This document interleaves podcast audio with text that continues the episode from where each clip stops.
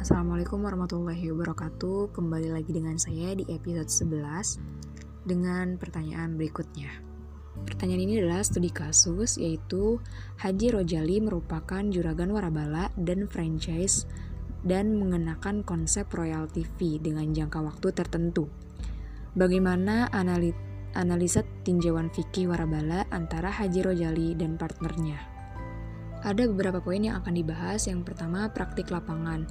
Dalam praktik lapangannya, bisnis warabila, warabala ini, misalnya si A pemberi warabala atau franchisor dengan si B penerima warabala atau franchise melakukan kerjasama bisnis di mana nantinya si A memberikan manfaat dari suatu merek atau brand atau produk yang dimilikinya kepada si B. Kemudian si B nantinya membayar biaya franchise misalnya 20 juta, di mana biaya itu sudah termasuk ke dalam peralatan dan bahan baku untuk memulai usaha dari merek atau brand atau produk tersebut. Adapun contoh lainnya di mana pihak penerima warabala atau franchise membayar biaya franchise di awal dan juga membayar membayar royalty fee per bulan sebesar persentase tertentu.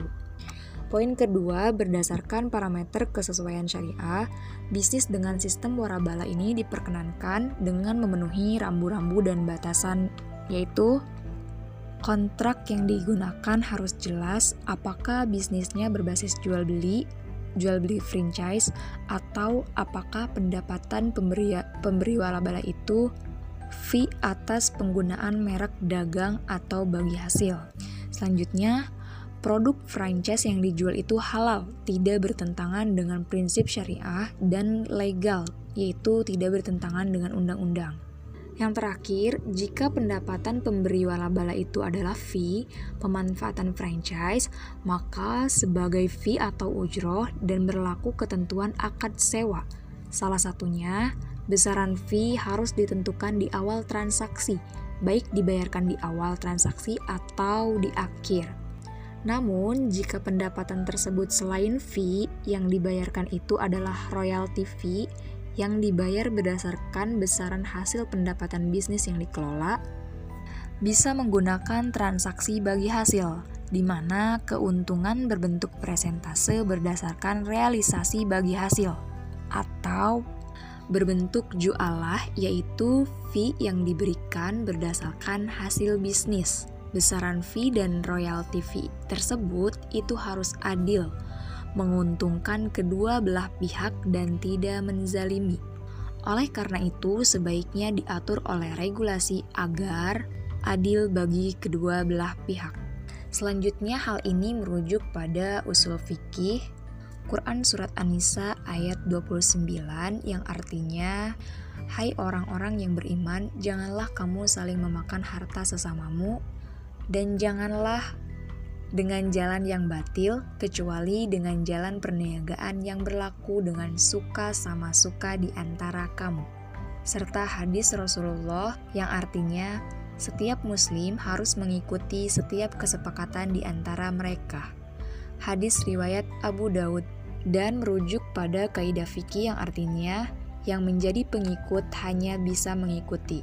Serta makosid syariah dalam transaksi ini adalah membantu orang untuk membangun bisnis usahanya. Akad fikih yang digunakan dalam transaksi ini ada tiga. Yang pertama, akad musyarakah, di mana pemilik brand atau franchisor tidak menyewakan brandnya, tapi menjadikan brand sebagai bagian dari keterlibatan modal. Dari akad ini, franchisor berhak mendapatkan bagi hasil sesuai kesepakatan. Yang kedua, menggunakan akad ijaroh atau sewa.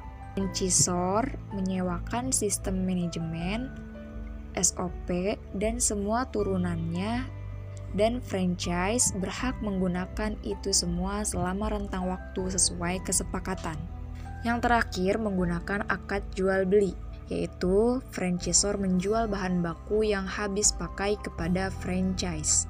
Konsep kaidah fikihnya yaitu bentuk akad semacam ini dibolehkan mengingat tidak ada pelanggaran terhadap aturan syariat. Sementara adanya ketentuan lain yang menguntungkan sepihak seperti pihak franchise tidak boleh menjual produk selain produk pihak franchisor atau pihak franchise hanya dibenarkan menjual produk di area tertentu. Ketentuan ini dibolehkan karena hukum asal setiap kesepakatan dibolehkan selama tidak melanggar syariat seperti pada Fatwa DSN MUI nomor 1 garis miring Munas garis miring MUI garis miring 15 tahun 2005 tentang perlindungan hak kekayaan intelektual. Hak kekayaan intelektual salah satu hak kekayaan yang mendapat perlindungan hukum sebagaimana kekayaan selama tidak bertentangan dengan hukum Islam. HKI dapat dijadikan objek akad baik akad komersil atau non-komersil. Selanjutnya, standar syariah AAOIV nomor 41 tentang hak-hak finansial telah mengkategorikan hak intelektual sebagai hak yang bernilai boleh dimiliki dan dipindah kepemilikan serta merujuk pada undang-undang dan regulasi peraturan pemerintah Republik Indonesia nomor 42 tahun 2007 tentang warabala Peraturan Menteri Perindustrian dan Perdagangan RI Nomor 31 2008 tentang penyelenggaraan warabala, Undang-Undang Nomor 14 Tahun 2001 tentang paten, dan Undang-Undang Nomor 15 Tahun 2001 tentang merek. Manajemen pemasaran dari dan resiko pada transaksi ini, resikonya yaitu pembeli franchise kurang memiliki kendali terhadap bisnis. Pembeli franchise mempunyai keterikatan dengan supplier atau franchisor.